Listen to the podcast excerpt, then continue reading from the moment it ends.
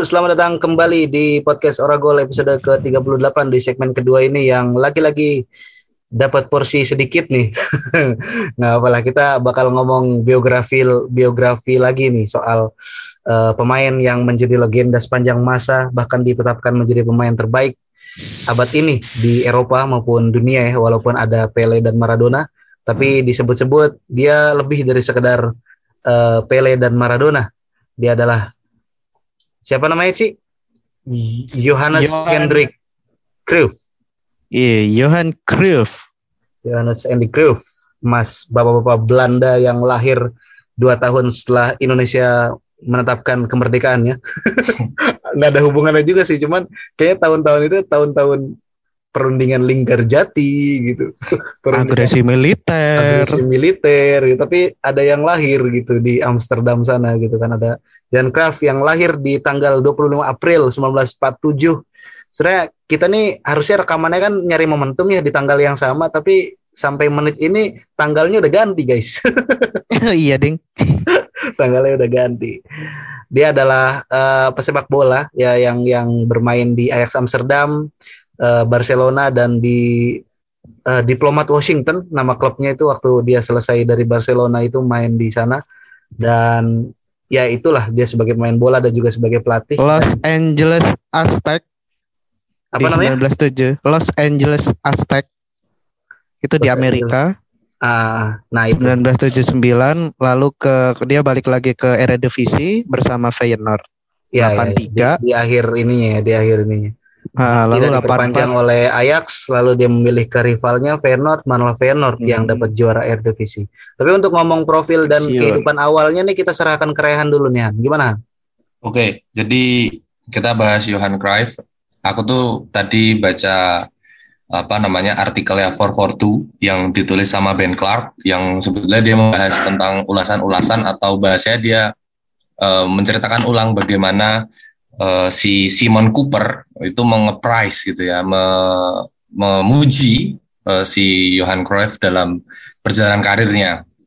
Dan untuk eh, tahun-tahun pertama karirnya sebetulnya Johan Cruyff ini ternyata sejak sejak kecil tuh sudah erat dengan sepak bola, terutama eh, sepak bola di Amsterdam yang identik dengan klub Ajax Amsterdam.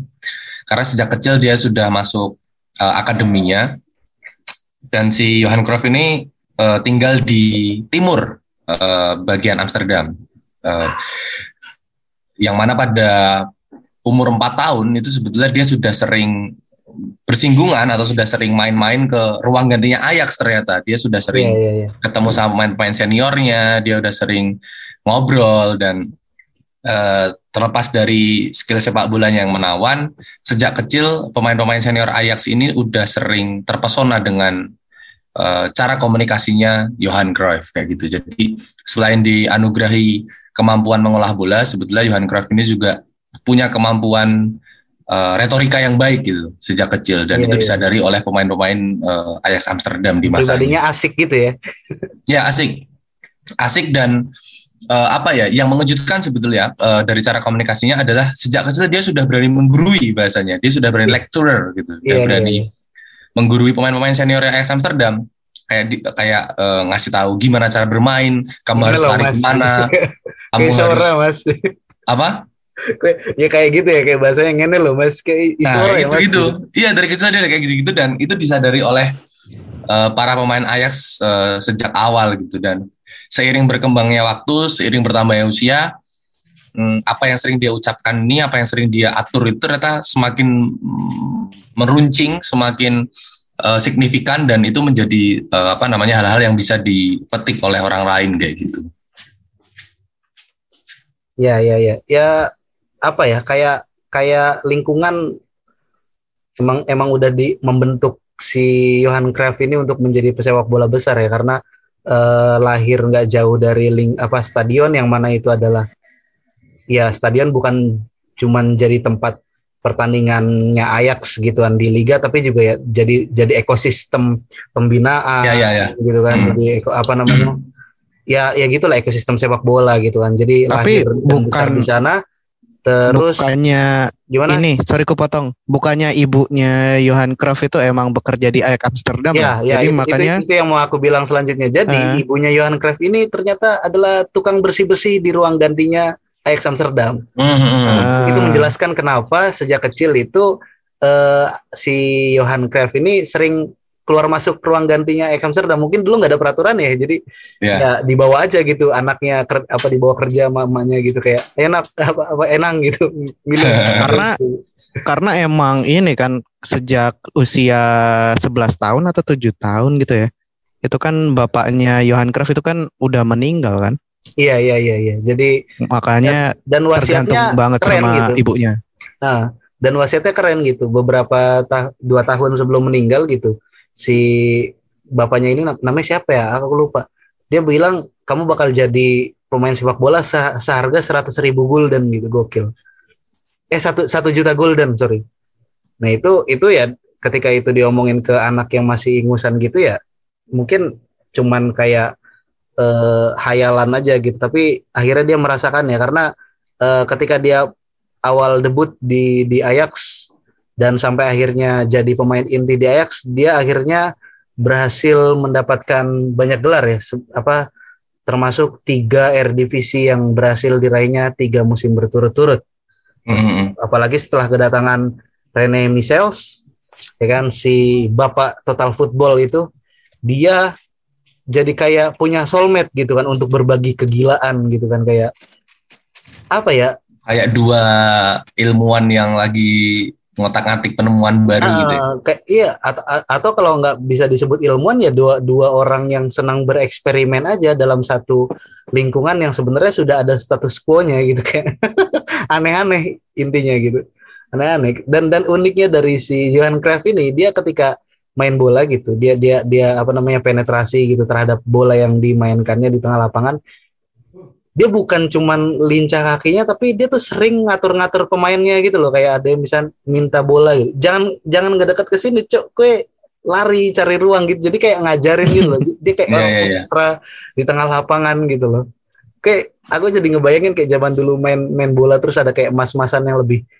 tua dari kita gitu. Eh, abang-abangan. Nah, abang-abangan yang lebih tua dari kita, terus dia bawa bola, terus kita kayak, Mas, Mas Rene, oper aku, gue maju gitu kayak, kayak gitu kan, kayak gitu. Nah, itu itu itu yang yang sebetulnya membuatku berpikir bahwasanya Johan Cruyff ini bisa didefinisikan sebagai generational talent gitu ya. Talenta pada sebuah generasinya gitu.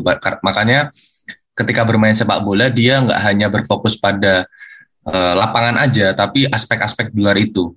Nyambung tadi yang dibicarakan Arci, bahkan ketika dia ngolah bola dia nggak cuman ngatur teman-temannya bermain, tapi dia juga ngomongin pelatih harus seperti apa, dia juga ngasih tahu wasit bahkan hakim garis seperti apa sedetail itu dia memperhatikan sepak bola karena mungkin pada zamannya Johan Cruyff telah membayangkan bentuk sepak bola yang lebih ideal barangkali seperti itu harusnya sepak bola kayak Wah, gini harusnya enggak, kamu nggak enggak, kayak enggak. gini Aku nggak nggak nggak setuju sih. ya Dia ya lebih- itu menurutku ya karena Iya. karena karena kalau kalau disebut di beberapa artikel dia sebagai filsuf dan segala macam artinya aku membayangkan dia punya punya imajinasi yang lebih tentang sepak bola. Jadi dia mungkin pada saat itu misalnya tadi disebutkan kayak Faris perumpamaannya pemain pada mendekat ke dia. Tapi menurut dia nggak perlu mendekat menjauh aja gitu. Terus mungkin menurut dia pelatih harusnya nggak cuma diam aja. Misalnya banyak ngomong dong marahin dong dan segala macam. Mungkin mungkin si Johan Cruyff telah punya punya bayangan ya. Karena dia dari kecil cerewet dia sudah sudah harusnya gini nih harusnya gini. Sehingga itu yang menurutku jadi salah satu faktor pada eh, ke depannya dia jadi salah satu pemain yang eh, punya imajinasi besar soal sepak bola terutama sepak bola eh, Belanda dan nantinya di Barcelona kayak gitu sih kalau aku Gimana sih, gimana sih? Ketidaksetujuan. Kalau aku malahan eh lebih lebih ngelihat Johan Cruyff ini kayak orang sok tahu sumpah anjir. Sok tahu dan kadang ngomong nggak sesuai kapasitasnya itu loh. Nah, iya iya iya iya. iya. Kayak kayak dia harus ngatur kayak kayak kayak ngatur wasit dan sebagainya bukan kapasitasnya. Coba kalau dia main sekarang udah dibuang kali dia itu. harus Ya. ngatur pelatih dan lain sebagainya kayak gitu. Tapi sayangnya dia kan eksentrik orangnya. Eksentrik dan saat 1960-an kayak gitu 66 76 80-an itu kan orang-orang eksentrik eksek Eksentrik. eksentrik itu kan kayak kayak eksentrik dan dia juga cakep coy. Dia kan perbandingannya sama George Best di MU. Gantengnya itu. Dan nah makanya itu dia kayak kayak kayak terbangun lah mitosnya itu kayak gitu. Malahan kalau aku sih lebih kayak misal Beckenbauer atau Johan Cruyff, aku malah lebih lebih lebih menyukai Beckenbauer kayak gitu. Dia tuh kayak sosok sosok yang kayak Carlos Puyol kemarin lah yang kita bicarain yang bener-bener teladan kayak gitu lah. Kebapaan, lurus ya. Heeh, kayak Hmm, gitu. Mengayomi ya kayak inilah kayak pengasuh pesantren. Nggak Enggak, relate sih aku. Aku nggak relate sih, enggak ya. Enggak enggak. Aku aku juga kayak kayak berusaha berusaha berimajinasi ya kayak kita punya temen gitu. Temennya itu ya mungkin cerewet, mungkin secara inian ya mungkin secara penampilan menarik, tapi kemaki gitu. Mungkin menjengkelkan. Tapi banyak hal yang kemudian dia katakan di kemudian hari terbukti gitu. Nah, tanggapan Ya. Archie yang ta- tanggapan Archie yang bilang wah Johan Cruyff nih orangnya sok tahu dan sering bicara sesuai kapasitas. Mungkin itu yang dirasakan sama orang-orang di sekelilingnya Johan Cruyff pada saat itu gitu. Namun ya sialnya gitu orang-orang yang jengkel sama Johan Cruyff tuh harus ditampar dengan kenyataan anjir bener nih omongan bocah gitu. Eh, analo- analoginya kayak gini, Riz. Kayak misal lu ketemu sama orang ya yang lu tahu orang ini tuh eh eh, pecundang lah kayak gitu ya. Tiba-tiba datang-datang, "Eh, kita punya proyek besar coy dengan sah. Kayak kalau kita bisa beli saham kayak gini gini gini gini, nanti kita bisa kaya lo gitu." Padahal dia nggak terlalu tahu mungkin tentang saham kayak gitu. Tapi tiba-tiba bener sahamnya itu gitu. Keberuntungan kali ya. Tapi tapi olah bolanya Nah, itu- kalau aku itu lihat itu di dari cuplikan ayat yang, juga yang aku bagus. kurang kurang bisa ini nih. Eh, karena karena dia bisa bisa menjelaskan itu secara rasional gitu bahwa Nah, eh, permainan total football yang sebenarnya dia nggak mau juga disebut apa namanya konsep itu adalah konsep total football gitu kan Eh, lewat Rene Michels dan dia coba mengembangkannya gitu bahwa kayak misalkan ketika eh, dalam satu permainan gitu pembangunan serangan itu yang dilakukan oleh sebuah tim itu dibutuhkan se- apa pemahaman ruang gitu. Masing-masing pemain itu nggak nggak hanya satu apa nggak hanya textbook bahwa dirinya back ya udah di belakang aja dirinya sayap ya di pinggir aja dirinya ini tapi harus memahami ruang gitu. Aku tertarik sama apa wawancara dia di film dokumenternya ya di tahun 2013 itu. Jadi dia wawancara di apa di halaman belakang rumahnya gitu. Terus dia sampai sampai memeragakan gitu loh memeragakan bahwa kalau lu jadi back gitu yang ngejagain satu lapangan dia bakal jadi back yang paling jelek men. Tapi kalau lu jadi back cuman ngejagain 5 meter yang ada di depan kanan kiri lu lu bakal jadi back terbaik di dunia. Dan itu apa namanya pernyataan yang emang rasional dan itu nggak terpikirkan gitu oleh orang-orang di zaman Pada zamannya. Hmm, pada zamannya gitu. Ya Pak di apa namanya kalau kita baca artikel-artikel yang lain kan sepak bola tahun 70-an sampai 80-an kan sepak bola yang sangat ini ya, sangat fisikal gitu kan. Yang penting tendang gitu kan. Back ya dapat bola ya sapu, makanya ada apa namanya roll namanya sweeper gitu ya. Kalau di. Italia Hmm. itu kan, sweeper. Tapi apa namanya di si Johan Cruyff ini enggak gitu. Oke jadi back tugasmu nggak cuman nyapu-nyapu bola ke depan doang gitu. Itu bakal jadi hal yang mentah juga gitu. Kalau perlu gitu. Si kiper itu jangan menganggap dirinya penjaga gawang, tapi playmaker yang kebetulan memakai sarung tangan. Gokil gak? Ya sayangnya dia pemain yang pakai sarung tangan gitu aja kan sebenarnya. iya, iya gitu kan. Dan itu akhirnya berhasil diterjemahkan kan oleh apa namanya oleh Jo apa oleh bar apa Cruyff Oleh- di saat dia pelatih di Barcelona. di Barcelona dan kemudian Barcelona pun punya Guardiola gitu kan untuk jadi tempat penyempurnaan taktiknya gitu dan akhirnya diamini oleh taktik sepak apa evolusi taktik sepak bola hari ini gitu nggak ada lagi tuh misalkan apa permainan tim selemah apa pun tim se ini apa se mediocre apa pun mainnya tuh long ball long ball ya kecuali di Piala AFF ya gitu. Tapi kalau di kita ngelihat Liga Inggris nggak ada lagi tuh Norwich lawan MU misalkan kemarin nggak ada tuh apa namanya eh, Norwich mainnya fisikal. Tapi nggak tahu nih komentar Rehan, kerehan lagi nih, gimana?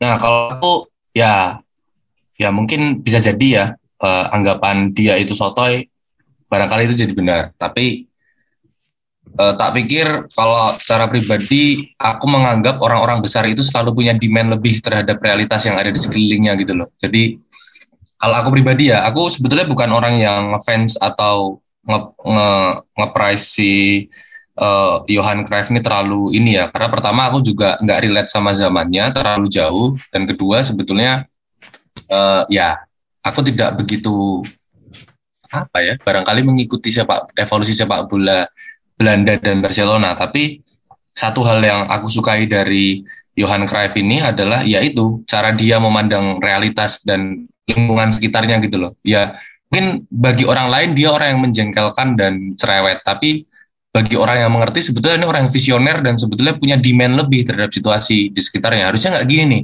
Harusnya back tuh gini aja. Kiper tuh jangan gitu mandangnya, tapi dia kebetulan pakai sarung aja. Pelatih itu jangan gini ya. Itu itu itu menurutku ciri-ciri besar ketika seseorang itu punya bayangan besar tentang sepak bola itu harusnya seperti apa misalnya gitu loh.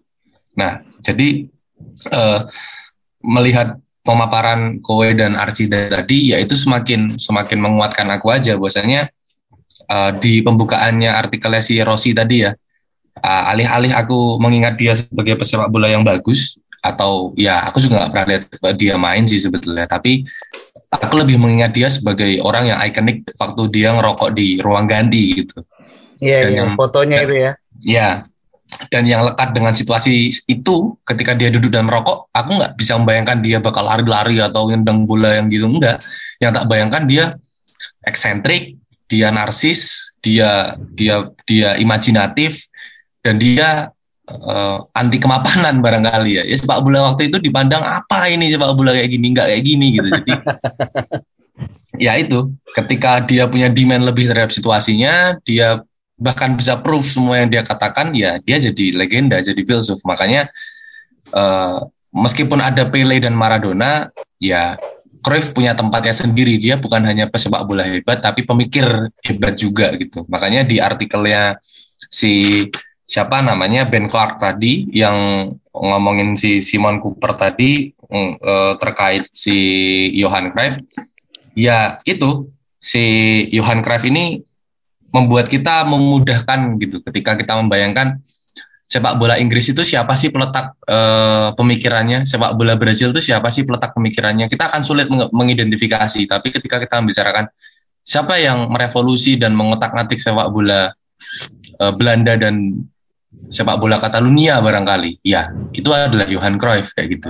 Terlihat jejak pemikirannya kayak gitu loh. Ya terlepas dari dia punya persinggungan dengan Rinus Michels dan segala macam ya itu yang membuat dia melampaui Pele dan Maradona dia nggak selesai di lapangan aja gitu. Tapi di luar itu nggak cuman sukses melatih tapi sukses mengaplikasikan filosofinya gitu. Hal yang nggak bisa dilakukan oleh Pele yang cuman bisa ngeklaim seribu gol dan Maradona yang cuman bisa ngeprice apa gol tangan Tuhannya bahasa kasarnya mungkin seperti itu ya Cruyff melampaui uh, apa namanya atraksi-atraksi di lapangan hijau tapi lebih dari itu Iya iya iya.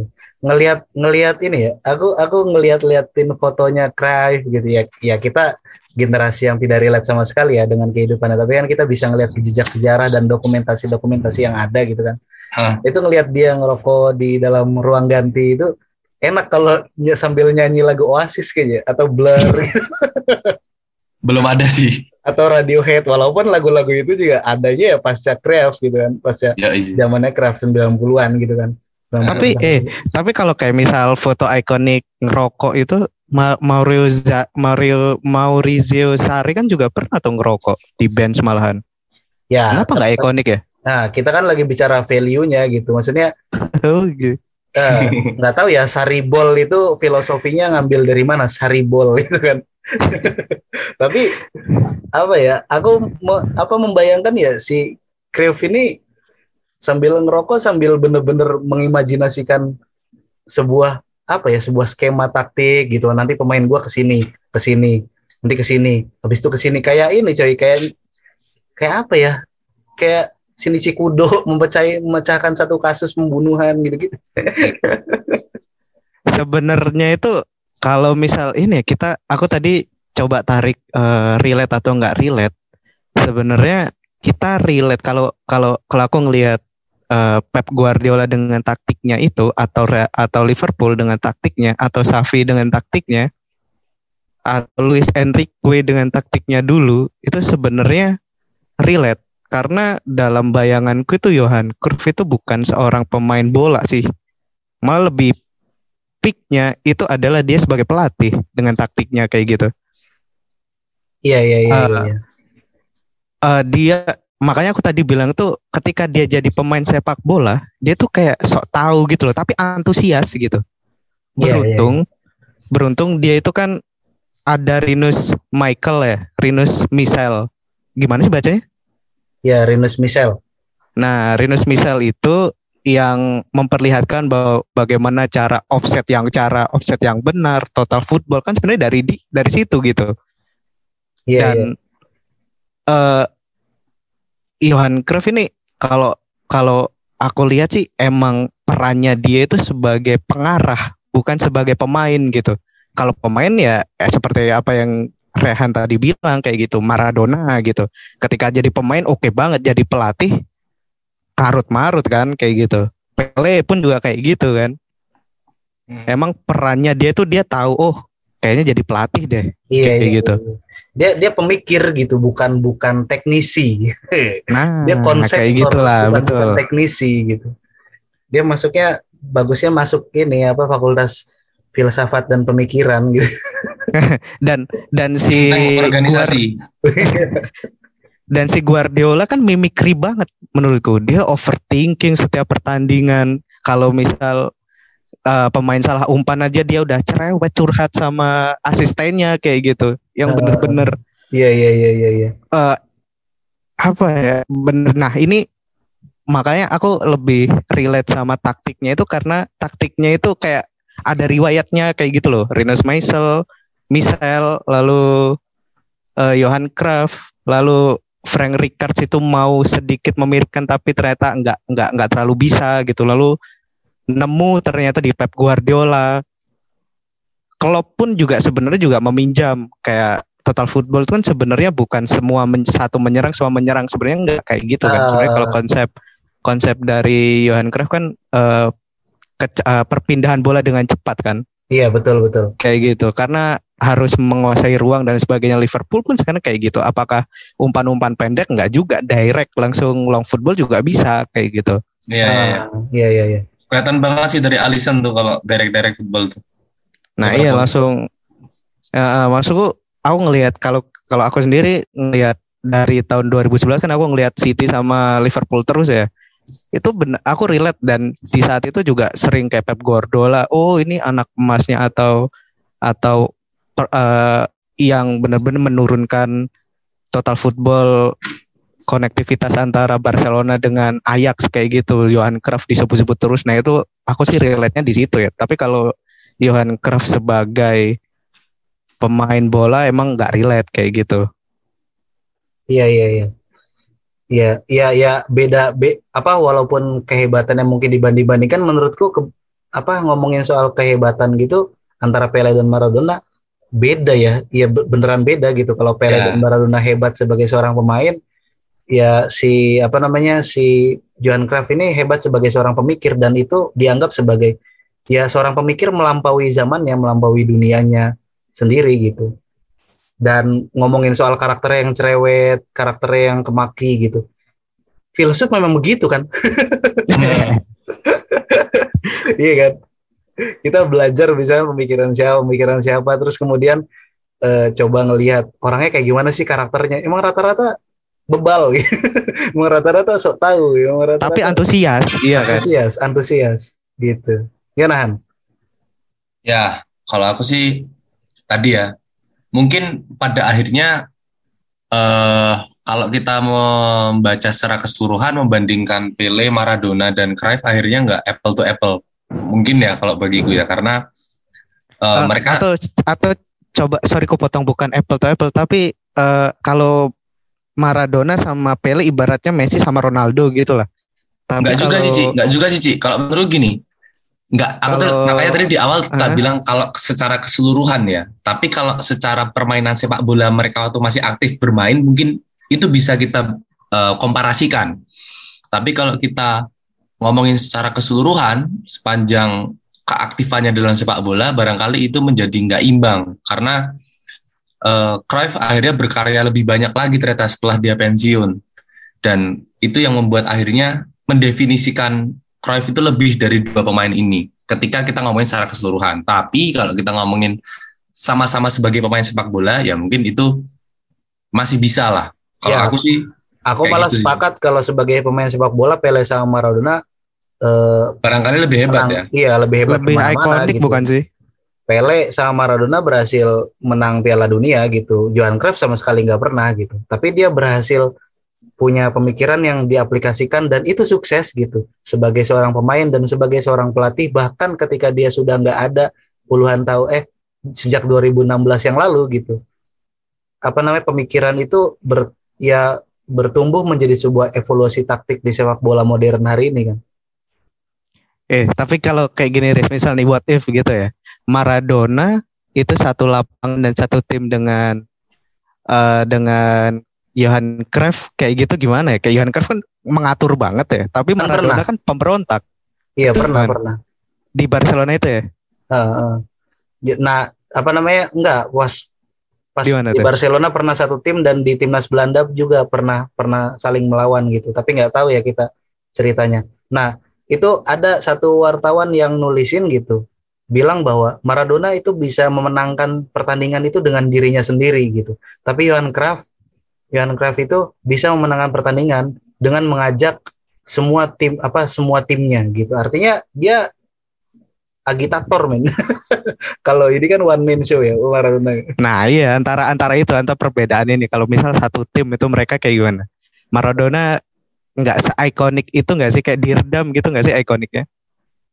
Kalau Maradona Maradona itu main dalam taktiknya Johan Cruyff atau satu tim dengan Johan Cruyff pasti Maradona pindah klub. itu Hmm. itu kan sebenarnya kejadian sama Ibra saat di Barca kan? Iya iya iya iya iya. Ibra yang kepingin one man show ternyata diredam tuh sama eh, Pep Guardiola sih Iya, bukan sama Puyol ya. Maradona kan menjadi dirinya sendiri gitu. Dia nggak peduli gitu apa pun dia yang penting dirinya egonya itu ada apa seniman kan beda-beda ya gitu. Ada yang, yang Ah, apa namanya iya. seniman yang dia aku adalah aku gitu. Aku ingin Iya. bertingkah laku sebagaimana aku gitu. Tapi Wede. Johan Cruyff itu kan dia dirinya sepak bola adalah dirinya gitu. dia berarti imajinasinya itu ya tentang sepak Inherent bola. ya. Iya inherent gitu. Ngerti gak kalian mak- maksudku ya? Ah, ah, ini kayak ah, kayak seniman ya udahlah untuk aku gitu dan seniman yang ber- ah, lebih berkontribusi sama kolektif gitu atau kayak gitu sih. Iya iya iya iya. Ya antara inilah antara penulis yang menghasilkan ribuan karya sama pegiat literasi yang dari daerah ke daerah membangun Wah. TBM TBM yoi Kayak kenal tuh. yoi. yang denger pasti relate yoi. gitu-gitu. Cuman di akhir ya eh, apa namanya kita ngomongin soal perjalanannya juga di timnas Belanda Johan Cruyff ini ternyata cuman pernah main di Piala Dunia di satu Piala Dunia sorry. Di Sekali. 1974 gitu kan. Dia menjadi kapten dan melakukan banyak eh Fafifu Waswesos lah itu termasuk eh, gerakan yang paling ikonik ya Cruyff turn itu ya di yang berhasil mengelabui backnya Swedia di semifinal kalau nggak salah eh, yang akhirnya berhasil membawa apa timnas Belanda melaju ke partai final walaupun dibungkam oleh Jerman Barat waktu itu. Dan di Piala Dunia kedua yang seharusnya itu Cruyff mampu hadir dan eh, ya balas dendam lah ibaratnya gitu kan. Gitu untuk untuk untuk untuk dapat trofi pertamanya Belanda dia malah mangkir gitu kan. Eh, alasannya- 1978. Eh, alasannya itu katanya dia menolak rezim diktator di Argentina karena di 78 kan tuan rumahnya Argentina ya. Dia komentar Ya. bagaimana mungkin Anda bermain bola apa bermain bola gitu tidak jauh dari lokasi pembantaian gitu. Wih, gokil sekali. Gimana tuh, Ci? Tapi kalau di beberapa literasi sih alasannya bukan itu sih. Kayak kayak di eh, film dokumenter yang 2013 itu yang tadi kamu bilang tuh eh Johan Cruyff malah bilang karena mentalnya itu lagi drop setelah eh dia dan keluarganya itu eh apa namanya mengalami perampokan dan dan sempat dijadiin sandra kayak gitu loh. Oh, oke oke oke. Itu yang bikin itu beberapa bulan sebelum Piala Dunia di Argentina itu kayak gitu dan entah dia tuh eh bener atau enggak dia bilang kayak gitu tapi valid ya pengalamannya ya mungkin ya kita nggak bisa ngomong bener atau enggak ya Iya. Ya, dia dia ngomong itu ya baru-baru ini pas di umur tuanya kan baru-baru terbuka. Iya. Alasan Lalu dia drop. nggak nggak berangkat. drop dan ya udahlah nggak berangkat dulu gitu ibaratnya kayak kemarin lah Ronaldo ketika kematian bayinya dia nggak main di eh, rival sama Liverpool kan mungkin kayak gitu Iya iya. Cuman cuman itu posisinya kalau ternyata terbuka informasi kayak gitu dia yang memang sedang di bawah tekanan dan bahkan kabarnya di sempat ditodongin senjata kan istrinya Iya. keluarganya. intimida apa di tengah intimidasi gitu kan. Karena Dan- mungkin ada mafia atau bandar judi yang takut ya kalau Belanda juara gitu nggak tahu nggak tahu juga gitu. nah itu makanya eh, omongan yang Johan Cruyff dia nggak mau nggak mau ke Argentina gara-gara sikap politik itu juga sebenarnya masih mitos lalu bagaimana cara dia keluar dari penyekapan itu juga masih mitos itu belum belum diketahui banyak kayak gitu Iya iya iya iya iya. iya. Nah, Karena kan apa yang dulu dibilang Zen RS ketika kematiannya gua ah, Diego Maradona kan pemain-pemain sepak bola saat itu ketika dia udah eksentrik itu kan banyak mitos yang beredar kayak gitu. Iya iya karena Dan- akses dan informasi sul- yang terbatas gitu kan. Eh, dan sulit untuk diverifikasi. Di pas diverifikasi pas udah udah tua kayak gitu kan. Nah, yang yang yang dia juga ceritanya gitu entah itu cerita yang dikarang atau entah lagi ya cuma kayak omongan orang tua ya. Heeh. tapi emang dia kalau soal politik dia ceplas ceplos sih nah iya. ceplos betul banget. Juga termasuk kenapa dia kemudian memutuskan bergabung ke Barcelona dari Ajax ya bukan Real Madrid. Padahal waktu itu tim yang Mm-mm. terdepan eh, menggayat gitu kan merekrut adalah Real Madrid gitu kan. Tapi saat itu ya eh, John Cruyff lebih milih ke Barcelona dan secara terang-terangan mendukung kemerdekaan Catalunya Gimana? Catalunya Kalau aku sih apa ya mikirnya terlepas dari semua yang diobrolin tadi, ini si si Cruyff ini haulnya kapan Riz? Sorry Riz, Kemarin kemarin du- 25 April. 25 April. ya. Mungkin agak agak out of context dari yang diobrolin tadi ya, tapi eh, sebetulnya aku mau mau tanya balik sih ke kalian karena aku butuh butuh butuh perspektif nih.